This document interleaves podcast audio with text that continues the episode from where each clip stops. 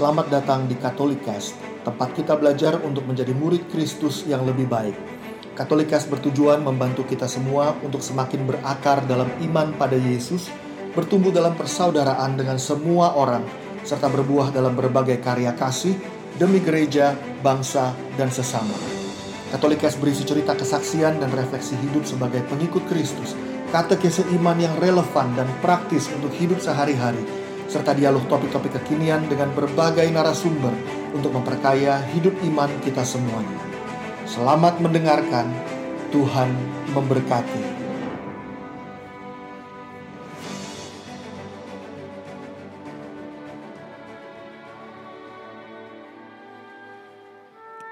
Kita jumpa lagi dalam refleksi bacaan liturgi. Kali ini bacaan diambil dari hari Minggu 8 Agustus 2021. Seperti biasa saya akan bacakan dulu bacaan-bacaannya. Bacaan pertama diambil dari 1 Raja-Raja 19 ayat 4 sampai 8.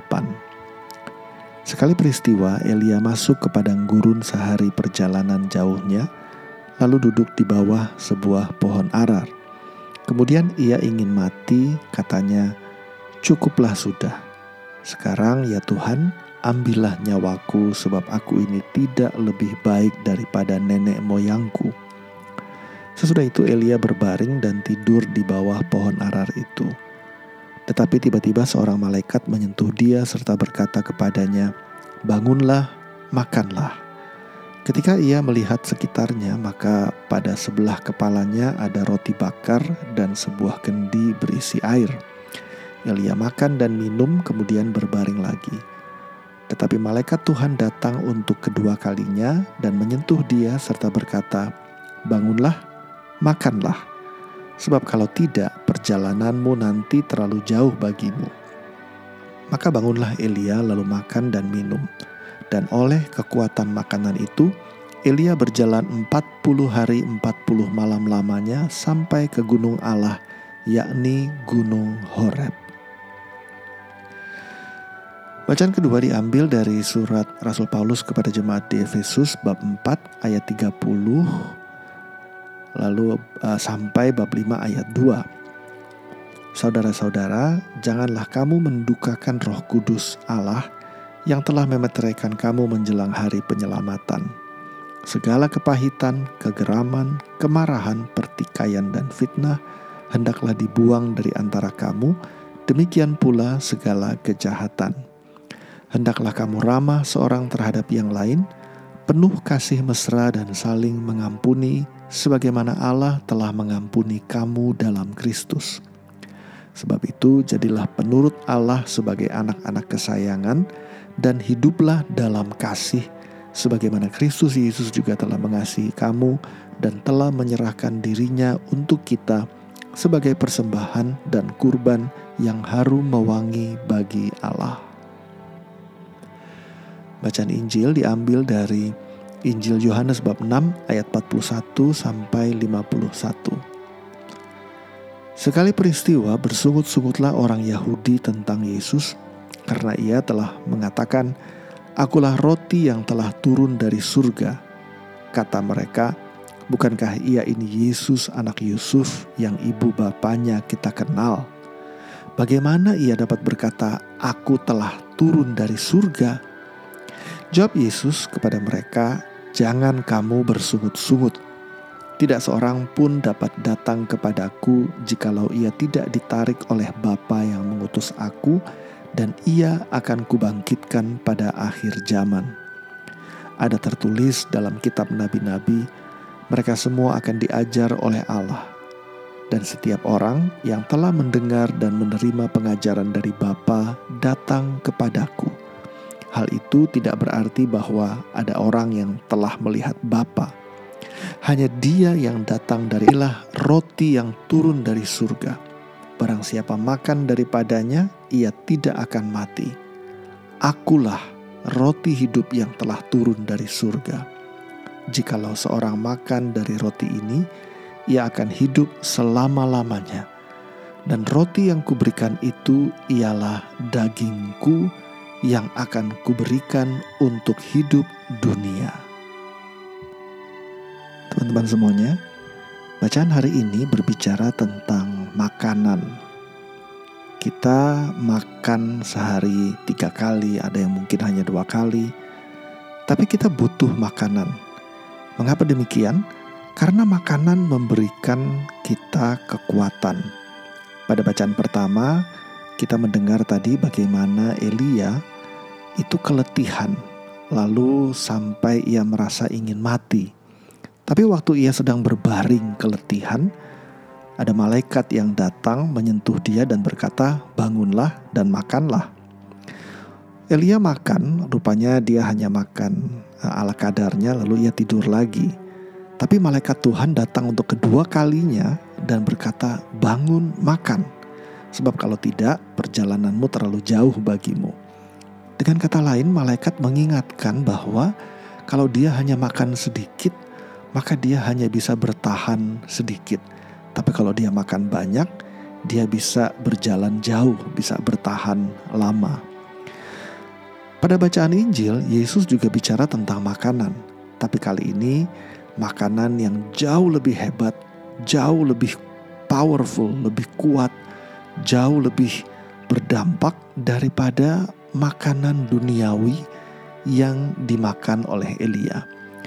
Yesus bilang, "Akulah roti yang telah turun dari surga." Yesus bilang nenek moyangmu kepada bangsa Israel itu makan mana yang turun dari langit waktu Tuhan memberi makan orang Israel. Tapi Yesus mengatakan, kalau mana itu memberikan makan kekuatan bagi bangsa Israel untuk berjalan sebentar lalu butuh mana lagi setiap hari. Kalau aku, kata Yesus, akulah roti yang turun dari sorga, kata Yesus. Akulah roti hidup.